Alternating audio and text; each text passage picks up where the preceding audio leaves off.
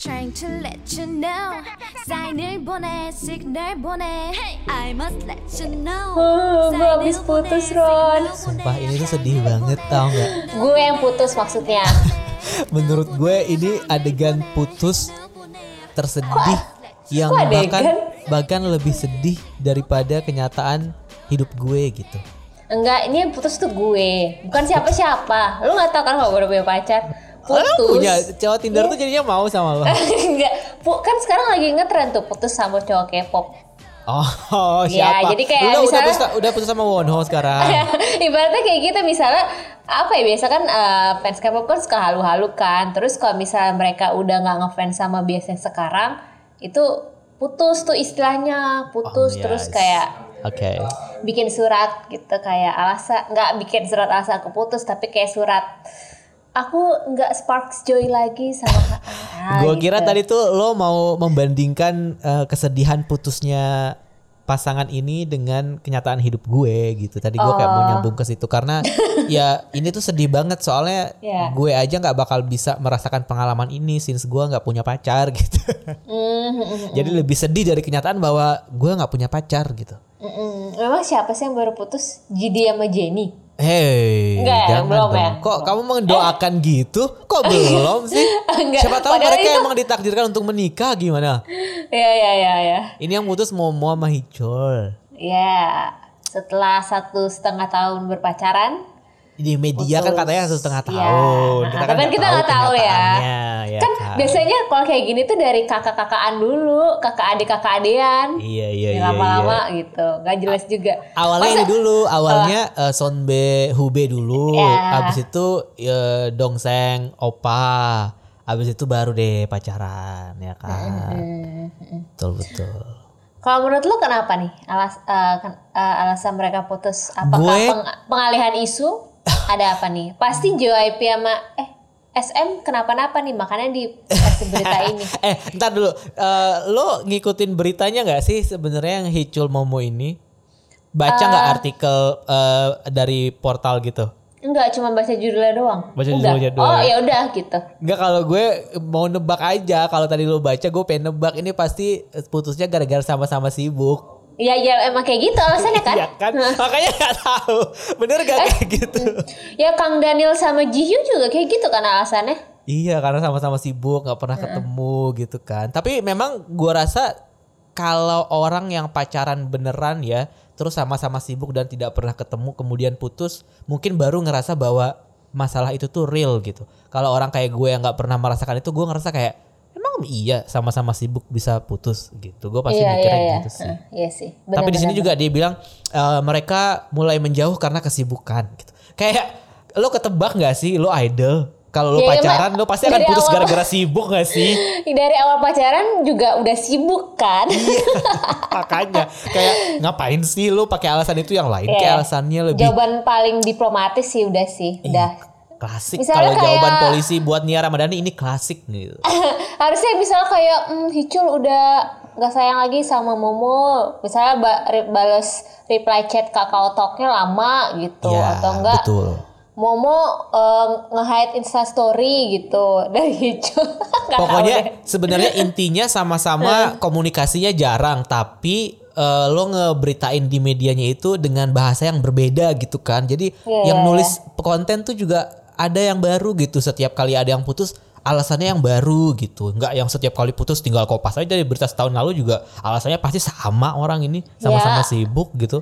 Ya kan alasannya itu kan yang kasih tahu juga agensinya kan? Enggak tahu. Kalau ini se- se- seorang sumber, enggak enggak Oh seorang sumber ya. Oh, ya ya sampai akhirnya yang konfirmasi Baru itu agensinya. Hmm. baru agensinya.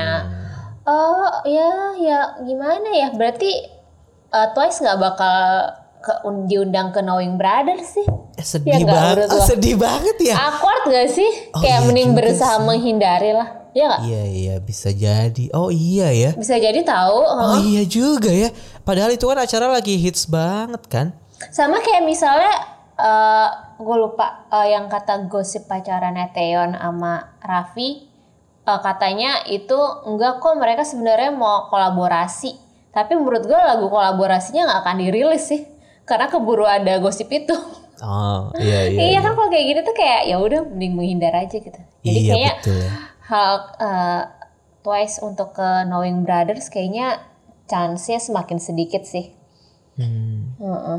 Karena Hicul juga di situ panelis utama kan kayak core of Iya, the iya. core gitu. ya kali.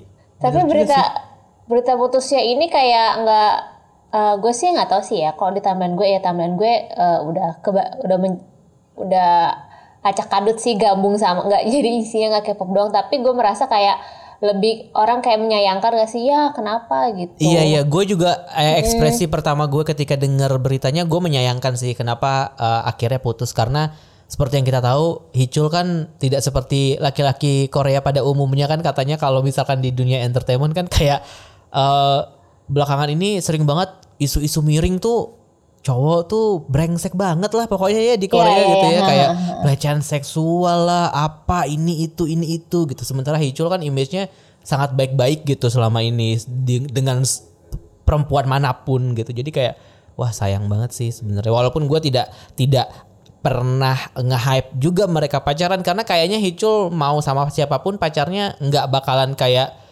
oh this is a groundbreaking news nggak yang kayak gitu kayak biasa aja karena dia memang deket banget sama banyak perempuan kan jadi bukan sesuatu yang men- menghebohkan lagi cuman ya gue sayang aja sih Iya iya iya. Atau kalau eh, atau mungkin bisa jadi sebenarnya masih pacaran aja kali. Iya nggak sih? Hmm, mungkin Iya, putusnya putus cuman di media doang Iya, gitu ya putus atau enggak lagi break gitu. Tapi putus ya nggak tahu juga sih. Tapi eh, gue tadi sempat lihat ada julitan screenshot julitan. Jadi itu sempat trending. Kalau di gue sih nggak trending ya. Kan trending trending topik Twitter kan beda-beda. Jadi itu ada eh, keyword free her gitu. oke. Uh, kesannya tuh kayak Momo tuh udah bebas dari Hicul. Seakan-akan Hicul tuh kayak mendikte Momo. Padahal nggak ya nggak tahu juga. Kan ya hubungan orang ya. Jadi kayak ada beberapa mungkin yang uh, kadang-kadang tuh kalau yang fans girl group hardcore tuh paling anti namanya laki-laki gitu seakan-akan kayaknya uh, kalau pacaran sama laki-laki tuh gimana gitu ya sama Jadi tuh- aja kayak fan fan girl, fan girl gak sih ke grup Iya iya iya cowok iya sih juga sama aja sih. Ya, heeh. Jadi tuh kalau yang tadi gue lihat sih ada keyword free her. Jadi kayaknya ya kan ini kan memang Hicho sama Momo age gap kan. Jadi Hmm. mungkin kalau yang nggak suka dengan hubungan Hicho sama Momo melihatnya kayaknya Hicho tuh karena age gap jadinya takutnya terlalu menyetir si Momo gitu kayak Hmm. terlalu mendominasikan tapi kan kita juga nggak tahu ya namanya hubungan hubungan pribadi gitu kan Betul betul. Lagi Iya. pula kan kalau mempermasalahkan age gap selama itu dia sudah dewasa, maksudnya udah leg- legal kayak nggak Iya, iya, bermasalah iya. lagi dong harusnya. Age gap itu kayak ya udah nggak sih lu iri aja gitu nggak sih kalau orang-orang Iya, ngeliat. iya sih itu sih kayak apa ya kayak ya juga si Hichulnya juga kenal Momo pas Momo juga udah dewasa gak sih kayak Mm-mm. Dan gue juga nemu di Twitter tapi ini dia lebih kayak senang sih kayaknya dia shipper sih kayaknya atau enggak lebih ke kayak support aja gitu. Eh, satu tweet dari at have you Matchin dia nulis Best of love and luck to the both of you. Thank you for the times you had together walking on the same road. Now your road has separated, but I hope you'll be happy on each of your path, but still walk together despite being on parallel lines. We love you always, Hichul and Momo. Kayak, wow, sweet gak sih kayak lu, lu, gue sebagai fans Baekhyun Taeyeon berharap ada orang yang kayak gini nih di nggak ada tapi ya nggak nemu bukannya Nggak nggak ada ada ya? nggak nemu gue Ah, belum iya, nemu iya. aja gitu Ah, Tapi tuh kayaknya- mereka Hmm. Tapi kayaknya kalau hubungan antar idol tuh kayak cuman sumur jagung gak sih kayaknya yang bertahan lama tuh Hyuna sama Idon sama kayaknya Don mungkin karena Iya ini nggak? nggak sih ya kayak kayak eh, Nggak ada, anjir. nggak ada jaminan ya memang kita nggak ada jaminan apa pun sih Hmm. cuman ya memang karena itu tadi kayak Hyuna sama Don menurut gue adalah eh, pengecualian. Iya sih, iya ya. pave the way banget sih pengecualian banget buat hubungan antar idol gitu. Tapi ya namanya juga Momo juga masih muda juga ya. Maksudnya kayak gue nggak tahu sih eh, Hicul apakah memang dia orientasinya sudah menikah gitu? Maksudnya ketika dia berhubungan di usia dia yang sekarang sementara kan nggak mungkin dong dia mau Momo mau menikah nih pas Iya. dia masih aktif aktifnya sama Twice gitu. Mungkin itu jadi salah satu alasan mereka putus mungkin. Sebenarnya Hicul mau kawin mau nikah gitu tapi nggak bisa sayang aku tuh harus ada karir karirku tuh lagi tinggi tingginya kata Momo sambil me- mengebrak meja ya kan. Mungkin itu kali terjadi obrolan di antara mereka berdua sampai akhirnya nggak sepakat terus ya udah kalau gitu kita jalan sendiri-sendiri aja. Iya, tapi kalau idol sama idol tuh hubungannya tuh ya yang tadi gue bilang sumur jagung beda kalau sama aktor atau idol itu kayak yang paling awet sih. Hmm, Soyoung sama Jong Kyung Ho ya. Ya, heeh. terus eh, Kim Tae Hee Rain sampai nikah kan, terus si Li- Min Hyo Rin sama Taeyang sampai nikah. Itu kayak Oh. aktor sama idol lebih kayak mungkin menyeimbangi kali ya. Idol sama idol kan fans-fansnya sama-sama keras nih. Kalau aktor sama idol kan nyimbangin mungkin yang lebih chill gue nggak tahu juga sih kayak Atau mungkin karena bisa jadi memang karena age gap itu tadi kali ya. Mungkin karena Momo juga masih ada di usia dia yang sekarang. Yang pada akhirnya fans-fans dia pun masih yang kayak sepantaran dia atau bahkan mungkin di bawah dia gitu. Yang mana hmm, belum berpikiran bahwa ya Momo tuh mungkin juga butuh buat menikah dan segala macam. Dan pada kenyataannya ya jarang ada idol aktif di industri yang tetap aktif meski sudah menikah sih sebenarnya. Jadi ya ini complicated juga eh, hubungan untuk dijalani sih sebenarnya. Kita udah jadi kayak "Ih, ini dokter cinta.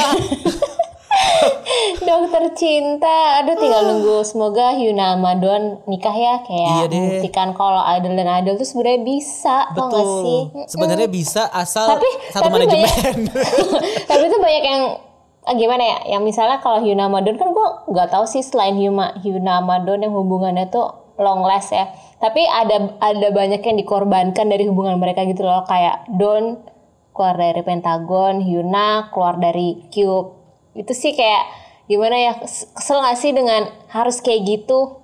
Hmm, harus ya ya gitu ya gitu sih. Walaupun dalam eh dalam kondisi Hyuna sama Don mereka keluar dari manajemen masing-masing dan grup masing-masing menurut gue pada akhirnya mereka ketemu sama manajemen yang lebih baik sih. Iya, yang iya, iya, yang iya, iya. memayungi yang memayungi mereka berdua dan terbuka sama eh, hubungan antara idol dan idol gitu loh maksudnya. Jadi eh, setidaknya mereka tidak tidak keluar dari manajemen yang sebelumnya kemudian terpuruk gitu loh. Kayak Hyuna sama Don menurut gue beruntung banget ketemu sama P Nation kayak dia dikasih dikasih ruang kebebasan untuk mengeksplor dan eh saya juga kayak ah dua orang bagus nih buat konten gua guide deh gitu kan. Kayak bagus juga nih buat industri gitu. Maksud gue itu salah satu keputusan yang besar juga walaupun mungkin kita nggak tahu apa yang ada di visinya Sai ketika dia ngesign Hyuna dan Don tapi gua rasa apa pun itu it works gitu. Ya eh jadi lo kapan mau mengumumkan pacar lo yang ser- selanjutnya? Pacar yang baru. Sekarang kan eh, lagi trending tuh pacar gepeng. Apa tuh cowok gepeng. Suka sama ini karakter anime. Gepeng kan? Oh my god. Sampai kepentok kaki gue sama meja. oh iya iya. bener lagi juga. tren Oh, kayak gitu banyak juga Kalau di anak-anak Genshin jatuh cintanya sama Tahu, ah. karakter game ya. iya iya Eh, 3D kalau mereka kan ya kalau sama game itu Zhongli sama Child bodo amat lah. Ya udah gitu. Sedih tapi Semoga- semoga, memang mereka berdua bisa menemukan kehidupan yang lebih baik setelah ini ya. Ah, ah, yes yes yes Yap. amin ya robbal alamin Amin ya rabbal alamin. kita Apalagi tutup dengan udah ya kedengeran. pas nih kan eh, misi kita kali ini kita tuh punya Apa? misi Ada yang curhat nggak sih di uh, DM Instagram? 30 Kemarin ada yang curhat sama gue di Kita buktikan Instagram, eh di ya? Twitter pribadi gue. Dan ini uh, Oh, dia ada, ada yang kirim ke Twitter pribadi lo? iya dia ngirim ke Twitter pribadi gue. Jadi Ya, awalnya coba. dia dia ngirim tanpa konteks gitu. Terus kan gue kayak eh, apa nih maksudnya gitu. Tolong dijelasin dulu konteksnya apa. Jadi gue ceritain dari awal aja kali ya biar Iya, iya, boleh, boleh. biar Gua penasaran. eh, biar runut gitu. Jadi eh di satu thread Twitter ada salah satu fans K-pop yang menanggapi sebuah tweet dari fans yang lain gitu. Dan tweet ini Sebentar, eh, dia kasih tahu fandomnya nggak? Atau Enggak, dia nggak ngasih tahu fandomnya. Oh, Jadi dia dia, ngomongnya tahu. general gitu. dia General, bilangnya iya. K-popers, dia bilangnya. Jadi eh, tapi kalau dari username-nya sih, username yang dia balas itu mungkin XOL karena namanya Kyung Sulit nih. Se- Sejauh ini gua nggak tahu ada eh, member grup lain yang namanya Kyungsu di K-pop gua nggak tahu, tapi kita asumsikan ini sebagai XOL ya. Jadi eh, awalnya gue nggak tahu nih konteksnya apa karena si eh, sender bilang ke gue tolong dibahas di kekoreaan. Jadi gue bacain screen capnya si eh, yang dipermasalahkan ya. Jadi dia bilang untuk semua K-popers kalau ngefan girl bikin kamu kehilangan respect, ngebuat kamu bisa berkata-kata kasar dan menghina orang lain, please berhenti dulu deh. Kamu perlu memperbaiki hati dulu. Kamu perlu menjadi manusia yang bermoral dulu baru jadi K-popers. Terus gue kaget kan pas gue baca ini, ini konteksnya apa nih gitu. Dan eh, yang sender bilang ke gue, malam Karon maaf banget nge-DM nggak tahu waktu. Cuman kalau semakin malam rasanya semakin banyak pikiran yang pengen diungkapin. Tadi kebetulan lagi baca komenan tweet yang lumayan bikin heboh, terus nemu komenan ini. Komenan ini maksudnya yang barusan gue bacain. Ini komenan bagus banget sih menurutku dan rasanya perlu disampaikan ke banyak K-popers mengingat udah dari tahun ke tahun kayaknya fan war itu bah oh, kayaknya fan war bahkan ngejelekin orang tuh semakin parah. Kalau Kak Aron ngebolehin komenan ini dibacain di podcast kekoreaan, aku bakal seneng banget dan makasih banyak. Menurutku ini wajib disebarluaskan sih biar seenggaknya mereka belajar dari sepenggal kata buat jadi yang lebih baik lagi. Dan aku tahu banyak dari berbagai fandom yang ngedengerin kekoreaan, jadi kayaknya ini bisa diwadah untuk eh, wadah yang tepat buat spread the positive vibes gitu. Terus gue tanya, ini konteksnya apa ya? Eh gue nggak tahu apa apa nih soalnya. Nah terus dibalas lagi sama dia. Jadi tweet yang tadi itu dia bilang, jadi ada orang, orang ini multi fandom. Dia EXO-L, eh, Directioner sama Belieber. Gue mengasumsikan orang ini yang dimaksud adalah si Kyung Sulit tadi yang dibales eh, itunya tweetnya dia pakai Ava Kyungsu terus nge-quote RT tweet yang isinya acara gitu. Vote beberapa grup ter- termasuk 1D sama BTS ini kayaknya masih berhubungan sama topik kita minggu lalu juga ya yang culture yang pengen lo hapus gitu. Nah di tweet itu dia bikin uh, giveaway syaratnya harus ngevote One Direction. Nah di sini banyak yang nyerang dia katanya berusaha ngejatuhin BTS dengan ngadain giveaway harus vote One Direction banyak army yang nyerang dia ngira dia ini XOL only buat ngehancurin BTS dengan cara vote artis lain. Padahal dia multi fandom gitu, bukan cuman EXO doang dia Eh, dia suka. One Direction gitu. Eh kayak gue tahu deh yang itu. Sempat Nah. ada juga deh lewat di timeline gue. Tapi gue mungkin lupa sih. Ya ya, ya. lanjutin, lanjutin iya. Mungkin ini hanya sebatas salah pengertian aja dari army atau nggak tahu juga ya kak. Cuman dari sini sempat baca beberapa komen yang jadi ngehina satu sama lain. Kalau aku lihatnya ini jadi nggak sehat aja karena di giveawayin aja gitu vote-nya gitu. Jadi ada dua sih yang gue lihat di sini yang di yang membuat sender ini resah. Yang pertama adalah eh, lo bikin giveaway tapi harus vote satu grup sementara yang lo suka gitu, jangan ngevote grup yang lain. Yang kedua adalah eh, pesan bahwa untuk semua K-popers harus saling respect. Kalau lo belum bisa respect, mending lo berhenti dulu jadi K-popers, belajar respect dulu, baru balik lagi jadi K-popers gitu. Gimana tuh menurut lo? Yang pertama dulu deh, soal voting. Kemarin kan kita udah bahas itu nih. tuh itu voting yang lagu ini gak sih lagu Euro lagu lagu mana yang mau dipasang di Euro itu bukan sih So, kalau itu ada itu nggak dibilang ya? Dia nggak itu bilang nggak itu soalnya. Eh, soalnya ini eh, so- ih kayaknya tuh ada yang DM juga deh mas. Soalnya kayaknya yang voting voting itu setahu gue tuh eh, ini correct me if I'm wrong ya eh, kalau memang ada yang salah. Abis men- di episode ini eh voting yang ada Justin Bieber One Direction Hmm, terus BTS B- BTS yang Butter itu BTS Butter bukan sih? Di situ dibilang nggak Nggak di dia nggak nyebut Nggak konteks nyebut lagunya eh, ya? votingnya apa. Oh iya itu tuh buat lagu yang dipasang untuk diputar di Euro. Di final Euro. Ya, eh, gua nggak tahu di final, tapi lebih ke mungkin kayak lepas lagi nunggunya lagu apa nih yang mau diputar itu tuh Kayak voting. zaman dulu waktu EXO Ah, iya. versus BTS Iya. gak sih yang power Yang EXO, sama fake ya. love itu ya Iya iya oke. iya itu waktu itu Piala Dunia ya World Cup ya. Iya, itu Kayak World gitu sebenarnya itu bukan lagu official atau of- eh, soundtrack tapi memang lagu diputar saat orangnya tuh lagi nunggu tapi penonton lagi se- sebelum Lagi break acara lah ya. lagi Hmm. break eh, break atau nunggu lah gitu. Salah satunya itu BTS Butter. Tapi kalau gue taunya itu lebih ke di mana akhirnya eh, yang menang kan BTS kan. Terus si Ya. BTS-nya dihina-hina sama fans sepak bola. Apaan Oke. sih lagu plastik lagu plastik gitu sampai Fans akhirnya sepak bola mana nih? Indonesia apa luar nih? Indo Indo Oh Indo ya of Indonesia, course. Kalau ya. yang bilang plastik pasti Indo lah. Ya, Kas Indo. kusur jangan-jangan tuh dia. Kas Suster sih kayaknya itu sampai nyerang ke Instagram si BTS itu gue taunya di situ. Heeh, karena gue taunya voting votingan itu ada Justin Bieber One Direction. Eh apa Ariana Grande? Eh tapi kayaknya ini beda sih. Tau gue itu pas ada opsinya tuh ada Ariana Grande sama BTS ya. Pokoknya gue lupa. Tapi kayaknya sih ini beda ya voting yang ma- gue maksud sama Oke. voting yang dia maksud. Oke. Eh, balik lagi ke topik. Eh, yang dibilang eh, dia giveaway eh, voting pakai mukanya Ava Kyungsu. What do you think?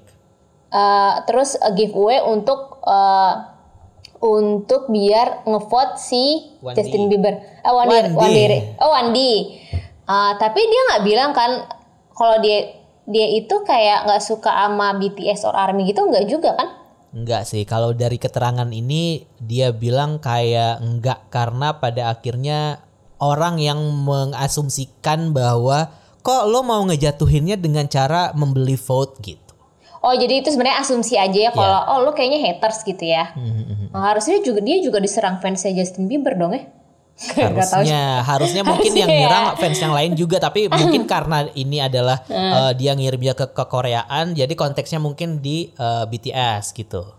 Oh iya iya. iya. Eh tapi yang sebentar yang buka votingnya itu, yang buka giveaway-nya tuh yang sendernya atau enggak sih? Bukan bukan sendernya Oh, si bukan ya? eh, fansnya yang multi fandom itu tadi. Mm-mm, oh, kalau menurut gue hmm, giveaway. Soalnya eh, giveaway itu macam-macam ya. Waktu itu gue pernah lihat ada giveaway bayar eh, bayar kuliah, bayar biaya kuliah buat ngevote twice. Mau dong. Ada kayak gitu. Ada giveaway bayar kosan enggak? Enggak, gue sumpah vote ada. deh BTS, sumpah gue mau kalau itu. ada ngevote eh, dibayarin tuition fee ya itu tuition fee itu wa- waktu itu buat ngevote twice gue lupa. Tapi dalam konteks apa? Tapi kalau menurut gue em, kalau kita ngomongin voting masalah give giveaway buat voting itu mah udah biasa kali. Wes biasa. Jadi kan sebenarnya eh gue nggak menyalahkan fandom atau apa tapi kan memang main asal asumsi aja kesannya kayaknya oh, lo mau ngejatuhin ini ya dengan tanda kutip bayaran atau Ya. apa. Tapi kayaknya sih kalau masalah vote giveaway eh voting dengan giveaway itu mah sebenarnya udah biasa. Mau fandom mana pun gitu pasti akan tapi misalnya kita ganti deh misalnya nggak perlu BTS bisa aja misalnya kita sebutlah NCT misalnya itu NCT misalnya itu Monsta X pasti ada juga fans yang bilang ih kok segitunya sih dia ngevote? Buat ngevote kan pasti julit-julitan itu pasti ada gak sih gitu. Sampai akhirnya gue memaklumi yang julitan itu walaupun sebenarnya nggak berfaedah juga. Jadi lebih baik kitanya aja yang maklumin. Iya, iya, iya. ya nggak sih Dan tadi lo bilang fandom apa pun pasti bisa pasti kayak gitu karena iya persepsinya pasti kayak gitu kok gue dulu pernah juga tapi bukan kayak bukan eh, idol jujur. Apa? Jadi waktu itu kan gue suka sama satu grup cover dance banget nih. Terus eh, mereka satu hari ngikut kompetisi gitu dan gue persis melakukan hal yang sama kayak guys vote this group eh gue akan kasih lo hadiah berupa album K-pop gitu. Mm-mm. dan mereka nggak menang akhir ya mereka nggak menang di kompetisi itu. Eh, tapi tetap gue lakukan giveaway eh, karena udah janji kan udah janji, udah, udah janji kan. Jadi gue tetap, tetap lakukan giveaway. Tapi eh, kalau lo ngelihatnya ini apakah sebuah cara untuk dalam tanda kutip beli vote gitu apakah is it okay menurut lo? Hmm, oke oke aja sih ya. Karena itu kan giveaway ini tuh eh, yang ngasih kan si pemberi gimana ya? Yang ngasih kan seseorang gitu loh. ya Tinggal ya itu kan masalah mereka bisa aja iseng oh ini deh ngevote ya ya nggak nggak ada salahnya dong ya udah gue ngevote sekalian ikutan giveaway padahal ada juga yang niatannya biar menang giveaway kan Iya. dan bisa jadi kata giveaway aja tuh ada akun yang giveaway seeker juga loh Iya, iya. ngerti gak sih yang memang nggak peduli konteksnya apa yang penting giveaway gue ikutan gitu ya betul betul Nah, jadi kalau menurut gue sih sah-sah aja ya. Dan menurut gue sih nggak ada eh, yang giveaway itu nggak ada niatan untuk menjatuhkan yang lebih ke mendukung memang artis yang ingin dia vote. Tapi kalau misalnya ada julitan yang merasa oh kok kayak dia ingin menjatuhkan ya, gue kayak akhirnya memaklumi kayaknya pasti ada aja sih orang yang berpikiran seperti itu. Iya gitu. iya karena Tapi- si Sender juga bilang kan mungkin ini cuma sebatas salah pengertian dari uh, arminya atau gimana sampai akhirnya terjadi uh, saling hina lah di komentar di uh, thread Twitternya gitu yang pada akhirnya juga membawa kita ke topik soal respect tadi gitu. Nah menurut lo uh,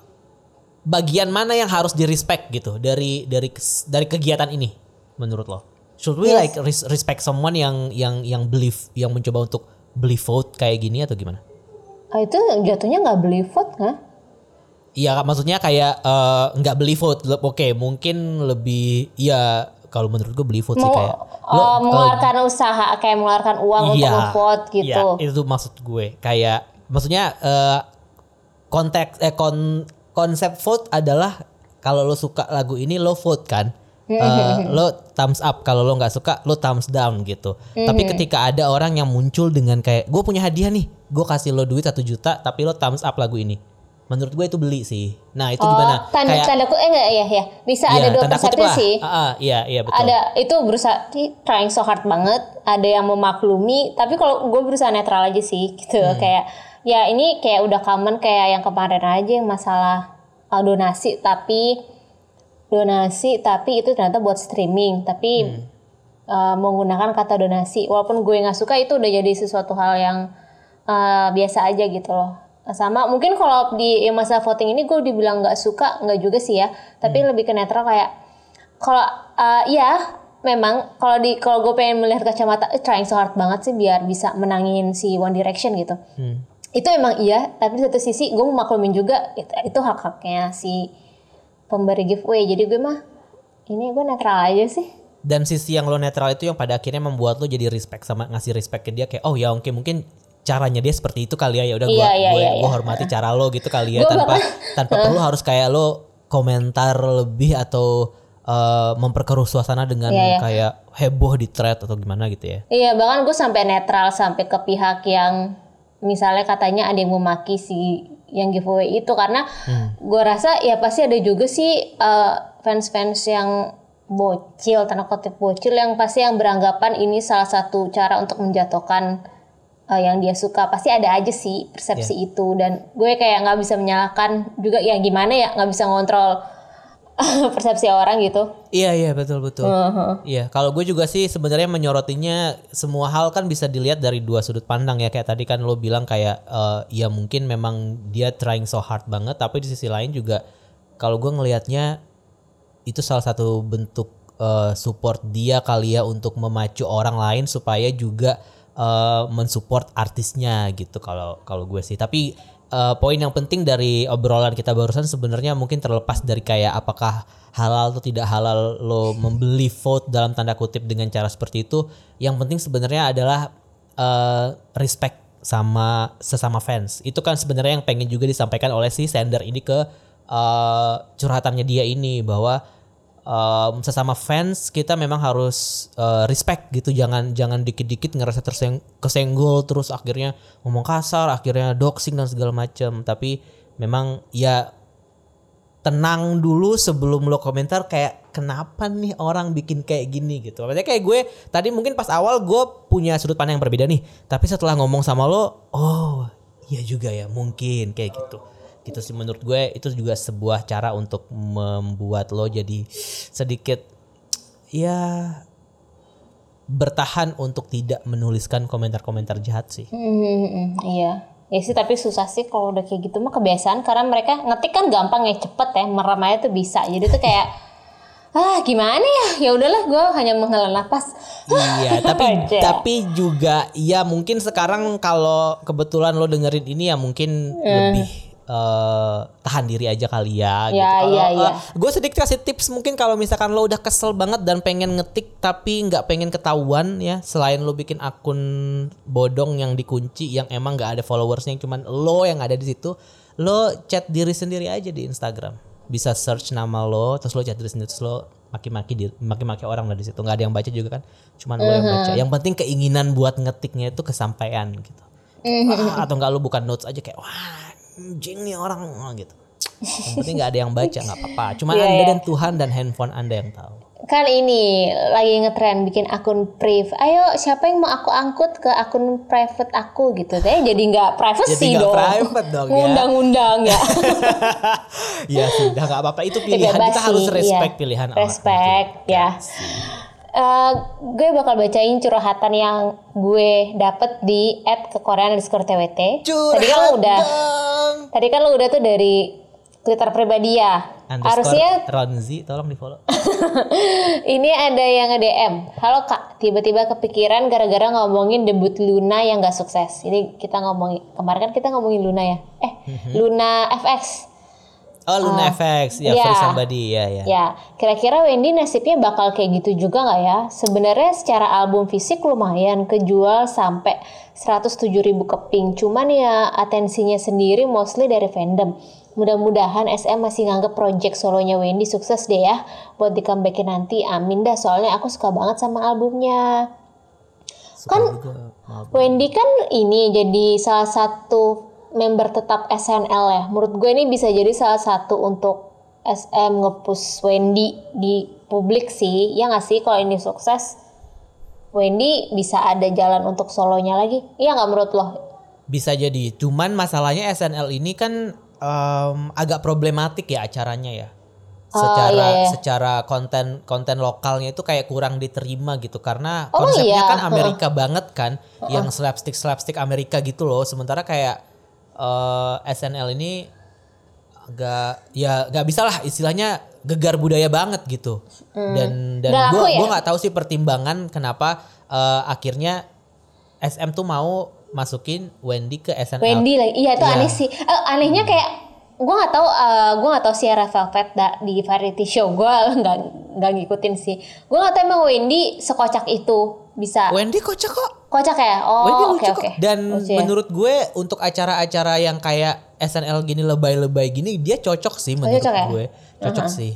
Itu cuman eh, tadi gue bilang eh, ini kan agak kurang ada apa ya kayak gegar budaya gitu ya. Tapi memang pada akhirnya penonton SNL juga bukan bukan orang-orang yang nonton KBS atau TV eh, yang nggak kabel sih. Karena ini kan channelnya di kabel kan. Jadi ya orang juga nggak semua orang bisa nonton lah gitu. Aksesnya nggak ke semua orang lah. Aksesnya orang yang cuman mau dan bisa mengaksesnya aja yang bisa yang bisa ngelihat ini. Jadi sebenarnya eh, mungkin fans pada akhirnya agak khawatir karena SNL ini problematik. Tapi dari sudut pandang yang lebih besar mungkin SM berpikir kayak kayaknya biasa aja sih menurut gue gitu mungkin ya. Karena ya ini kan juga acaranya nggak tayangnya nggak di kayak nggak nggak kayak Gekon yang KBS gitu misalnya yang yang emang lokal banget bercandaannya ini kan emang skit-skit yang kayak ala-ala Amerika gitu well tapi gue eh, nggak nggak menyalahkan juga sih eh, apa pun cara SM untuk mempromosikan artisnya sebenarnya daripada flop ya nggak sih menurut lo? Yes. Iya iya iya iya. Iya kan. Cuman eh, yang dipermasalahkan nih mungkin buat pendengar kekoreaan juga yang mungkin belum tahu kenapa sih sebenarnya eh, SNL Korea ini dipermasalahkan. Jadi di SNL Korea itu tuh sering menjadikan isu-isu sosial itu sebagai komedi sebenarnya. Kayak misalnya eh, di tahun 2014 SNL pernah menampilkan sketsa komedi mengenai anak angkat asal Korea yang tumbuh besar di Amerika. Sketsa itu sebenarnya ingin menunjukkan pelafalan bahasa Korea tapi eh, pemerannya itu si Jason Duyong Anderson agak aneh ketika dia lagi baca surat. Nah, cuman eh, akhirnya dikomentarin lah eh, apa namanya eh, skit itu dikomentarin kayak katanya wah ini menyerang anak-anak angkat dari Korea nih gitu menjelekkan pihak-pihak tertentu gitu. Terus juga yang ini agak parah sih. Jadi si SNL itu pernah menjadikan penyakit sebagai eh, salah satu skit komedinya dia. Jadi eh, ada skandal pelecehan seksual yang dilakukan salah satu komedian saat mempara- memparodikan program Immortal Immortal Songs. Itu si Itu Infinite bukan? Jong Iran yang menirukan aktris Um Eh, bukan ya? Iran saat menyanyikan lagu Like Being Hit by a Bullet milik Baek Jiyoung. Di situ ketika ada kata dada yang muncul, Iran mengatakan saat kata dada muncul aku malu karena aku tidak punya dada untuk dipegang gitu. Jadi candaan itu eh, bikin orang jadi kayak shock, kaget karena eh, Em Engran sendiri pada saat itu eh, didiagnosis menderita kanker payudara gitu. Oh iya Jadi iya, iya, banyak sih. banyak sindiran-sindiran yang dia bikin tuh kayak sensitif gitu. Sementara kan mungkin kalau Amerika konteksnya gitu kayak ya lah ya nggak sih menurut Iya, lo iya, kayak iya. eh, SJW SJW aja yang bakal ngebahas ini nggak masyarakat secara umum. Tapi mm, gue gak tau sih, tapi kayak fans eh, eh, fans internasional pun juga udah semakin tanda kutip SJW itu sih kayak Ya mungkin ya. Uh, jadi memang harus hati-hati sih ini semoga Wendy nggak mendapatkan skit-skit atau dialog yang takutnya merendahkan atau, Hmm. Atau bermasalah. iya bermasalah. Tapi kita juga nggak bisa sih sebenarnya menjadikan eh, apa hal-hal yang sudah terjadi lima tahun enam tahun yang lalu sebagai tolak ukur untuk acara ini sekarang karena setiap tahun kan pasti berubah tuh ada revisi-revisi dan segala macam. Mungkin karena gue nggak nonton SNL, gue nggak tahu kayak enggak kok sejak itu berubah kok mereka nggak tahu juga nggak bisa juga bilang gitu kan. Jadi ya mungkin ada pertimbangan juga dari SM sebagai manajemen untuk memutuskan buat masukin Wendy ke situ sih sebenarnya. Jadi kita nggak bisa eh iya nggak bisa selalu menilai acara ini jelek gara-gara kesalahan dia tujuh tahun yang lalu misalnya. Tapi pada kenyataannya dia masih tayang kok sampai sekarang ya nggak sih? Menurut lo kayak biasa kan kalau Korea kalau acara-acara TV lain kalau udah misalkan bermasalah sekali gitu di cut kalau nggak ganti gitu kan. Tapi ini cukup panjang loh umurnya gitu. Dan ma- mereka network sih eh, di di ch- channel network sih. Jadi mungkin sponsornya gede juga. Cuman ya itu tadi kayak kenapa mereka masih bisa bertahan juga mungkinkah memang eh, setiap kali ada skandal-skandal gitu mereka memperbaiki memperbaiki memperbaiki atau gimana kan nggak tahu juga nih gitu. Maksudnya kayak kalau mikirnya kejauhan mungkin kita ngelihat Mnet deh gitu. Mnet produce 101 bikin skandal, ya udah nggak usah pakai nama produce, bikin aja Girls Planet 999 gitu kan. Sama aja tuh konsepnya anyway, Sama aja, iya. juga ya kan.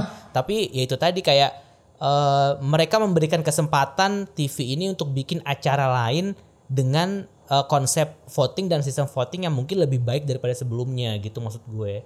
Jadi kayak ya mungkin itu juga yang terjadi sama si SNL gue nggak tahu sih tapi. Mhm. Tapi semoga emang itu bisa nge- ngegenjot karir Wendy banget sih mungkin ya. Iya, iya, aja iya. ya. Amin. Amin. Betul. Eh Baca. tapi Wendy itu eh bentar. Tadi soal album ya. Oh, gue pengen komentar juga yang soal Wendy sama Luna sih sebenarnya. Kayak kalau kita mau kalau kita mau ngebandingin kondisi SM ketika promo Luna dan FX dengan kondisi SM ketika promo Red Velvet sama Wendy menurut gua nggak bisa langsung dibandingin plek-plekan gitu sih karena mungkin eh, kondisi perusahaannya pada saat itu mungkin berbeda gitu. Jadi sebutlah sekarang kita bisa bilang kalau anak-anak SM yang sekarang lebih beruntung karena duitnya lebih banyak aja dibandingkan dengan ketika era FX pada masa itu sih kalau menurut gue. Eh ya sih dan juga Red Velvet itu fandomnya besar kan apa gede Iya, gitu Dibandingkan sama fisik Miu ya. Mm, iya, kalau Miu tuh kayak lebih ke ya orang tahu kayak orang tuh tahu oh FX tuh keren tapi nggak part of fandom Iya. gitu. Ha-ha. Kayak albumnya Joy juga 100 ribu nyampe kok. Iya. Yang cuman yang tanda kutip cuman apa re Remake. eh, remake bisa 100 ribu. heeh. Espa Next Level juga remake kok Iya, terkenal kok. iya kayak men ini aman lah. Ayo Velvet katanya mau comeback. Iya, Agustus kan? Ya, nggak tahu sih kapan. Bentar Wah, lagi. iya, bentar summer lagi ya. nih. Eh, kayaknya lo harus bacain yang di IG ada yang seru deh. Yang mana nih? Banyak. Eh, yang adeknya adeknya nggak suka nge-ship Lisa sama Jungkook atau apa gitu. adeknya si Sender. Kocak deh itu. Oh iya, iya ini nih ada ada ada, ada, itu ya. Oke, gue baca ya. Oke, halo Ron dan Dita. Aku mau komentar tentang manifest kekoreaan kemarin yang tentang shipping culture. Memang nih ada baiknya ngurusin kapal sendiri. Tuh, not your fandom, not your business ya. Kalau nggak suka kapalnya ya tinggalin aja. Tapi begitu aku lihat kenyataan fans K-pop yang semakin muda dan K-pop yang makin mudah diakses bikin aku agak kontra sama pendapat ini. Oke. Jadi gini ceritanya, aku punya keponakan umurnya baru 8 tahun dan dia 8 army. tahun itu kelas berapa 8 ya? tahun itu Biar gue bisa tahu bayangan. kelas 2 SD atau kelas 3 SD kayaknya. Ya masih kecil banget ya. Ya, Ya. ya, oke oke. Dan dia army dan benci Lisa cuman gara-gara ada fans yang nge-ship Jongkook sama Lisa gitu katanya. Buat kita yang dewasa mungkin bilang ya udahlah dan lewat begitu aja. Tapi buat mereka yang masih anak-anak, apa pun yang mereka lihat di internet itu mudah banget dipercaya. Aku udah coba ngejelasin ke ponakan aku kalau itu tuh nggak real. Pemahaman aku ya, menurut dia ini nggak real. Jongkook lihat tuh nggak real gitu. Jongkook Lisa itu real loh. Apa maksud anda? nggak. Tapi ya buat dia tetap aja dia akan benci Lisa selama masih ada video Jongkook Lisa yang beredar di TikTok. Oke nih, Dita sebagai anak TikTok akan lebih mengerti ya. Nah, hal kayak gini sih bikin aku mikir ulang. Kalau nanti aku punya anak dan dia menemukan K-pop, apa yang harus aku jelasin ke anak aku? Sedangkan dia bisa ngelihat orang tuanya cinta banget sama K-pop. Ntar, ntar lo tapi gue stop dulu sini ya. Kayak nanti kalau lo punya anak, gue nggak yakin lo masih suka K-pop sih ngomong-ngomong. Kayak mungkin itu akan jadi fase yang berbeda mungkin ya. Tapi nanti itu kita bahas itu. Tapi kayak yang kita tahu, K-pop tuh isinya nggak cuman pelangi. Semakin lama jadi fans, kita juga bisa lihat makin banyak negatifnya. Oke. Same thing happen to my friend. Adiknya umur 10 tahun dan suka K-pop. Dia coba ngejauhi adiknya dari K-pop padahal di kamar dia sendiri koleksinya berjejer. Jadi kalau hal-hal yang kesannya remeh nggak penting ini terjadi di internet, ya sebenarnya bukan hal yang bisa dihindari karena semakin ke sini audiens K-pop semakin muda, MV mereka ada di YouTube Kids meskipun lirik lagu mereka tuh dewasa. Beneran loh MV uh, ba- ba- bukan yang kayak hot sauce atau pink fong begitu menurut dia tuh sebagai anak. Yang pertama Dita anak TikTok. Yang kedua ponakannya suka ya, ponakannya coy. banyak dan suka K-pop juga gitu. Oh What ponakan gue udah gak suka K-pop. Oh, Dulu tuh iya? gue inget banget ponak Gue itu ngeracunin ponakan gue pakai lagunya Tiara Rolipoli Pas zamannya masih balita. Oke terus Kayak dia terus, terus. ngikutin kan Lolipoli lo, Jadi nyanyinya tuh Lolipoli Roli Ya emang Lolipoli Posnya lucu gitu. Sekarang-sekarang memang sukanya BTS kan. Hmm. Tapi gue gak tau sih Kalau sekarang kayaknya udah enggak gitu Kayak Oke. eh eh, gue melihatnya itu benar sih anak kecil mau dikasih tahu.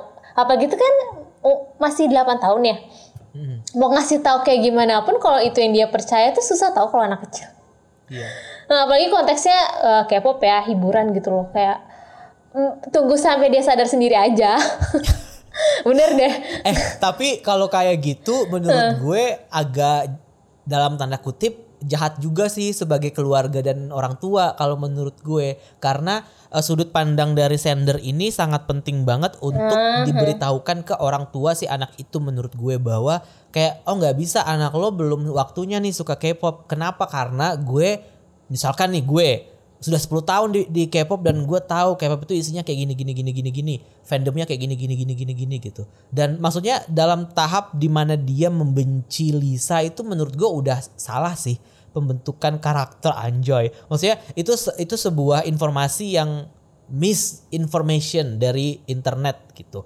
Dan anak kecil nggak tahu kalau apa yang mereka mereka lihat di internet itu kan nggak semuanya benar gitu. Jadinya gua rasa ini memang harus eh, ditindak langsung sama orang tuanya sih Tapi gue. sebenarnya eh, bencinya gue gak tahu sih maksudnya eh, si a- anak kecilnya itu bencinya itu lebih ke kayak ngata-ngatain kayak dulu eh, sorry kayak dulu mungkin kalau gue gue nggak sampai benci sih mungkin kayak ngata-ngatain aja kayak misalnya eh Brit- eh, nggak Britney Spears sih. Tapi kayak waktu kecil gue ada fase di mana gue ngatain sih. Karena Britney memang sama Christina Aguilera ya? enggak eh gak usah deh. Bola deh. Dulu kan gue suka bola. Gue MU banget kan. Ya klub bola lain gue jelek-jelekin. Gue benci. Tanda kutipnya benci. Tapi benci itu nggak sampai kayak dendam kesumat sampai gue bikin akun. Gue nggak tahu makanya nih konteksnya si anak kecilnya itu tuh bencinya dalam tahap apa ataukah dia bikin akun bodong buat nyerang Lisa kah?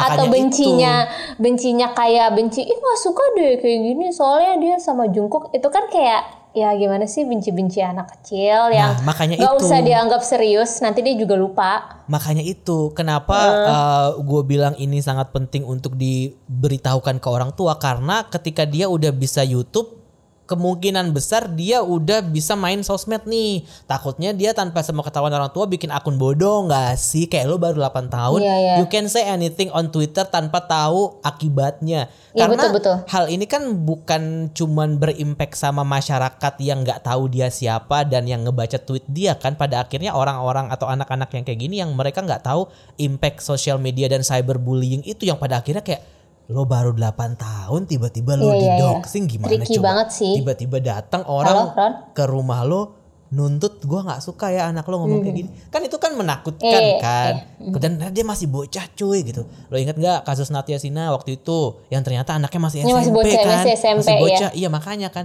nah menurut takutnya gue kayak gitu ya Iya, parah-parahnya tuh kayak gitu. Ketika dia udah tahu internet, dia mencoba segala hal dan dia bikin akun. Dia merasa bahwa gue nggak suka Lisa. Wah, kemudian dia ngata-ngatain Lisa di situ.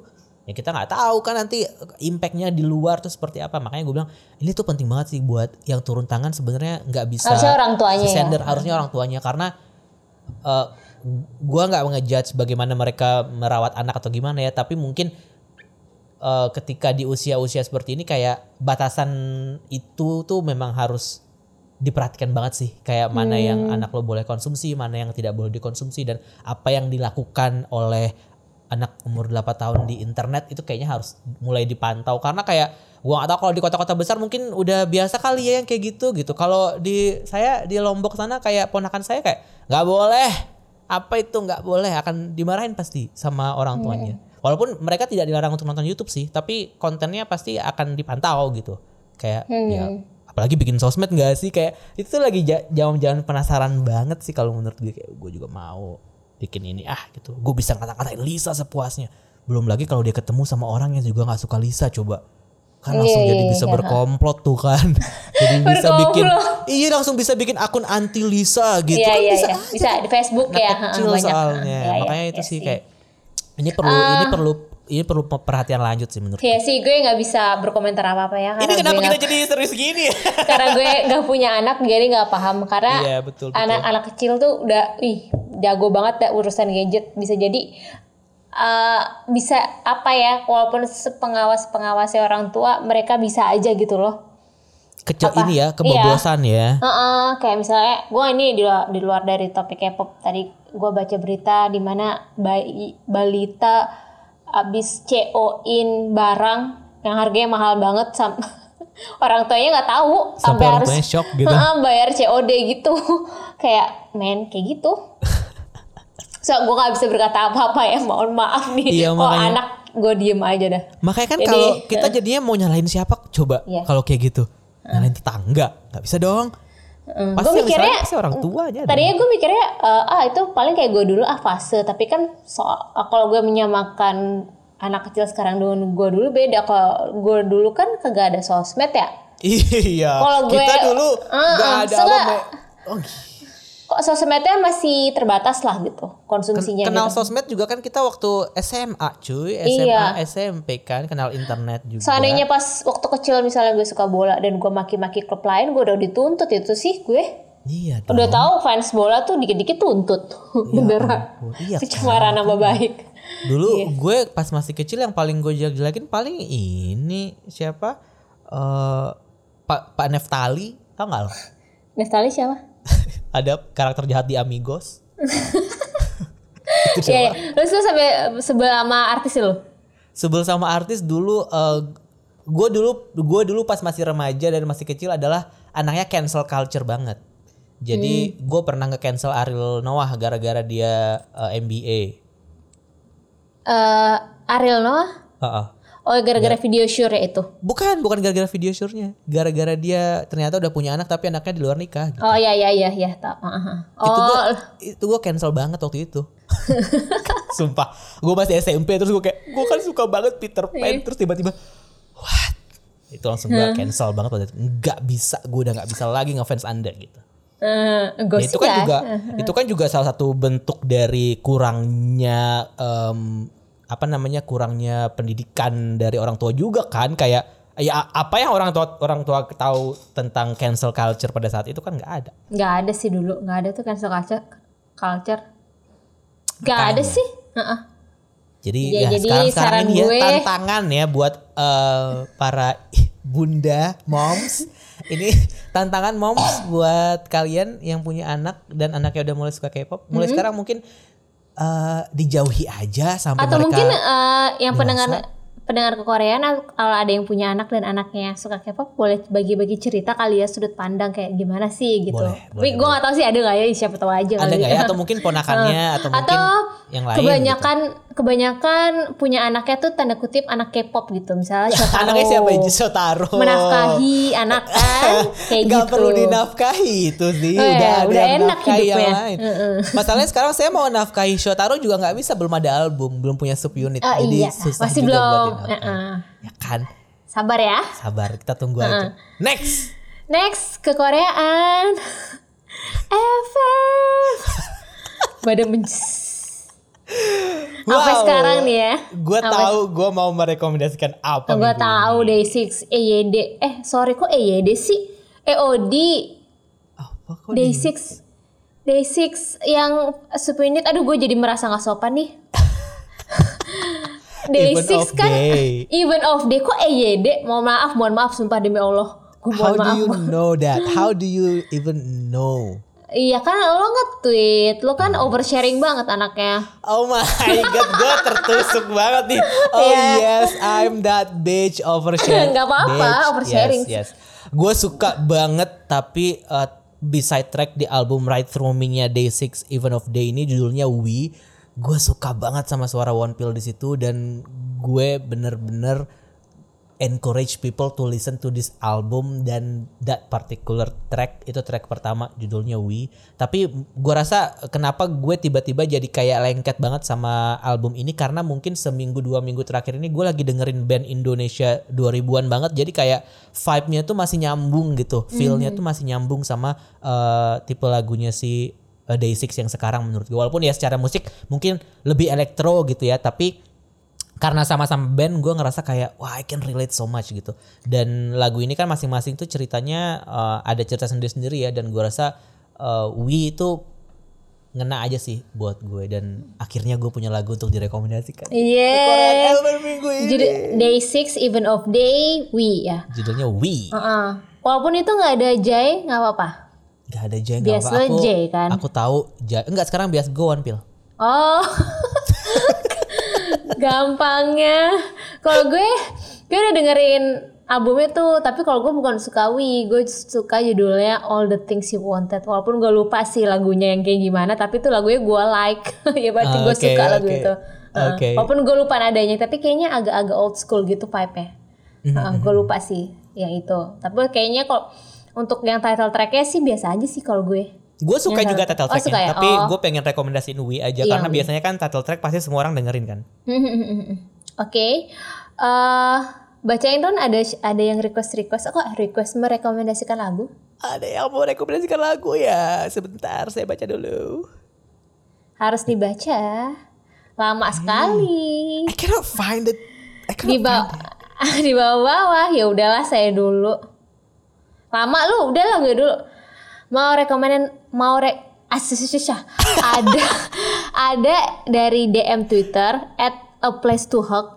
Dia bilang mau rekomenin mau rekomen lagu ya lagunya Luna yang Paint the Town. Kalau kata Kak Ron Kadita egotistiknya mamamu itu K-pop deng K-pop dangdut anthem. Dengdut. dangdut gue geli dangdut. K-pop dangdut anthem. Nah kalau the Town itu K-pop Bollywood anthem. Tapi lagunya asik banget asli. Olivia stand out banget. Suka. Jadi A Place to Hug ngerekomendasiin Luna judulnya Paint to Town. Eh Paint the Town. Lo udah dengerin belum? Pasti belum, sih dong. belum, Ya, belum. Oke. karena lo gak suka Luna Sebelumnya, sebelum lanjut ke eh, DM yang terakhir, gue juga pengen ngasih tahu gue beberapa hari ini dengerin lagu-lagunya Alexa yang temen tandem podcastnya J di Dive.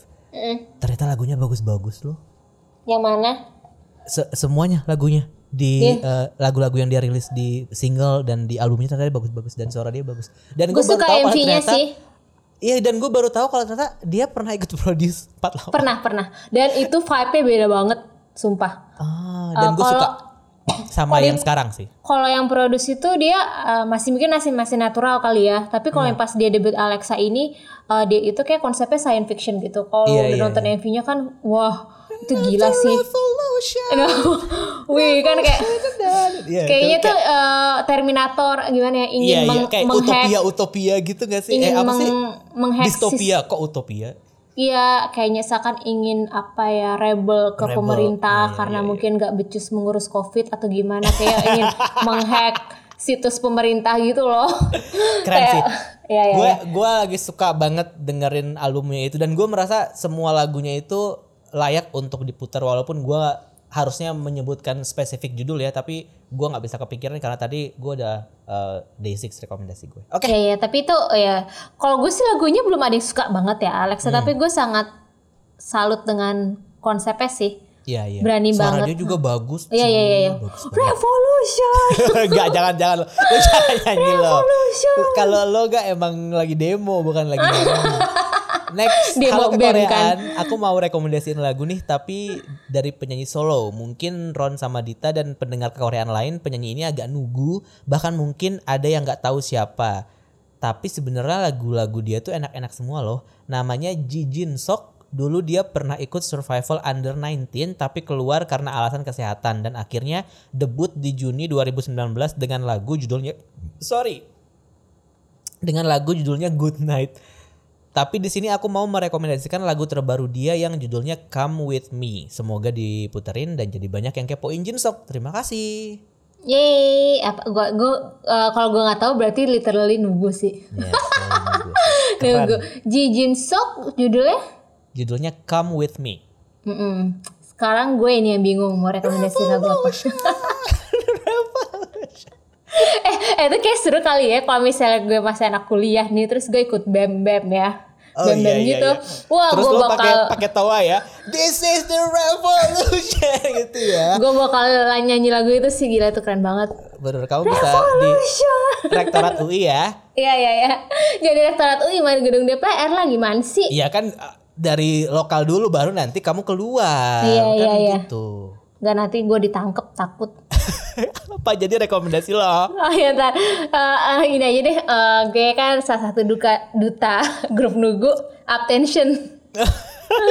Uptension gimana tuh sedih gue mau inget Uptension. Mau dibilang nugu. Aduh, ya, sebenarnya- gimana gitu. Tapi membernya tuh ada yang X1 loh. Gimana nggak juga? Tapi yang X1 itu solo. Tapi jadi Uptensionnya jadi agak Aduh gak gitu deh. Gue nggak tahu sih ya Jadi gue agak-agak Ya semoga Uptension Ada masanya ya, bisa Mungkin viral entah apa gitu Atau mungkin pas entah pas Wusok sama Jinyuknya balik ke Uptension. Jadi Uptension comeback dengan judul lagu baru. Eh dengan lagu barunya judulnya Spin Off. Beneran udah malam gue udah udah ngalor ngidul tau nggak? Judulnya Spin Off. Eh, vibe-nya sih ala Shiny ya. Gue merasa lagunya tuh ala ala Shiny. Jadi ya versi Uptension gue suka di situ. Tapi yang bikin gue suka ada satu member menurut gue outstanding banget sih di comeback itu Siapa? namanya Xiao. Please jangan tolong jangan sangkut pautkan dengan Genshin ya. gue udah enak banget. Iya, jadi kan ada member itu namanya Xiao. Xiao, gue lupa, gue nggak tahu nama nama nama nama aslinya. Jadi pokoknya Xiao itu cakep banget di comeback yang spin off ini. Gue tuh sampai sampai lihat fancamnya. Pokoknya kalau gue udah gue liat fancamnya berarti gue udah Tertarik. Wah ini cowok K-pop gue dah istilahnya gitu. gue geli banget kalau istilah cowok K-pop.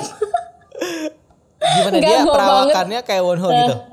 Eh, agak-agak kayak Kai yang pakai crop top. Hmm, hmm. Ya memang gue emang demen cowok pakai crop top kali ya. Jadi kayaknya yang Wonho- agak Wonho Heeh. banget sih Iya Wonho juga sih. Tapi dia nggak sebuff. Wonho kan udah kayak paha ayam boiler gitu ya.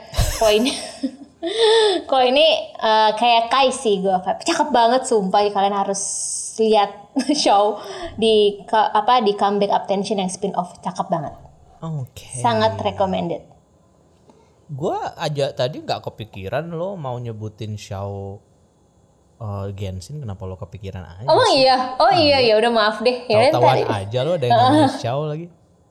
Tapi kayaknya sebelum kita tutup, eh, kayaknya misi kita untuk 30 menit seperti biasa Ron, gagal total. Gagal Iya. total ya.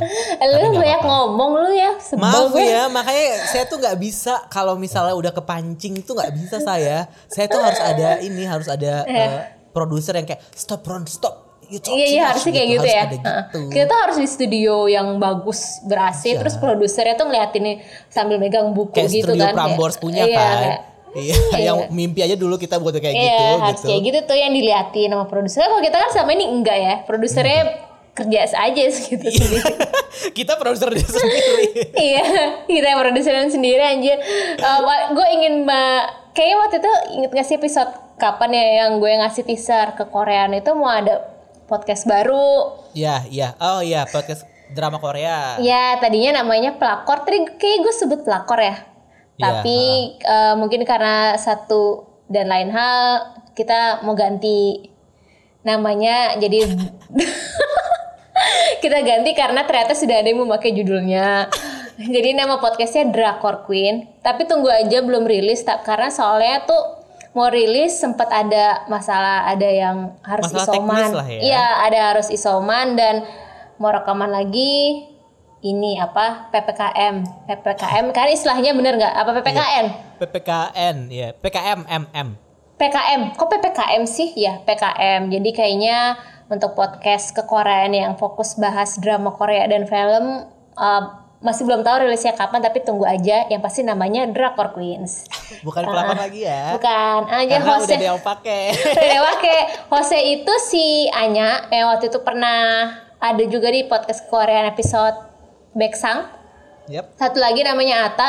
Dia itu admin kekoreaan dan dia juga uh, drakorholic. Jadi ini paduan yang pas banget sih gitu. Siap deh, jangan lupa Tunggu buat ya, dengerin. Nanti Tapi nggak tahu kapan, ya, tapi tunggu iya, aja. Tunggu aja. Dan buat yang pengen rekomendasikan lagu di kekoreaan FM berikutnya bisa DM di Instagram kekoreaan underscore IG atau di Twitter kekoreaan underscore TWT. Buat yang pengen curhat juga bisa dari situ juga, boleh. Buat yang pengen kirim voice note segala macam ke kita, boleh juga. Nanti kita masukin dijahit di sini.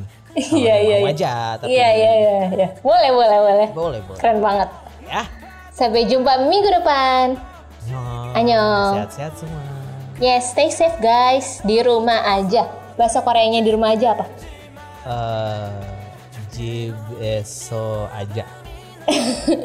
Ji, ji besok aja. Ya udah, ji besok aja. Annyeong.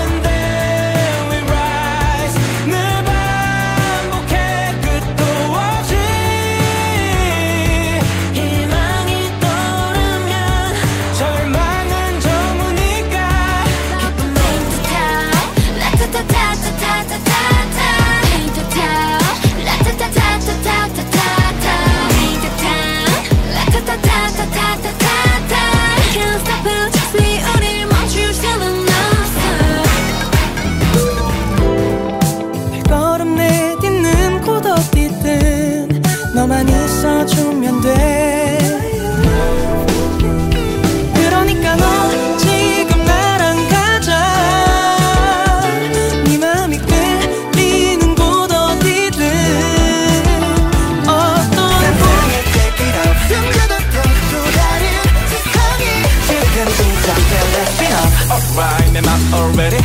예전에 이미 다 준비됐으니. 숨막히는 열정이 한결을 뒤집어 나의 story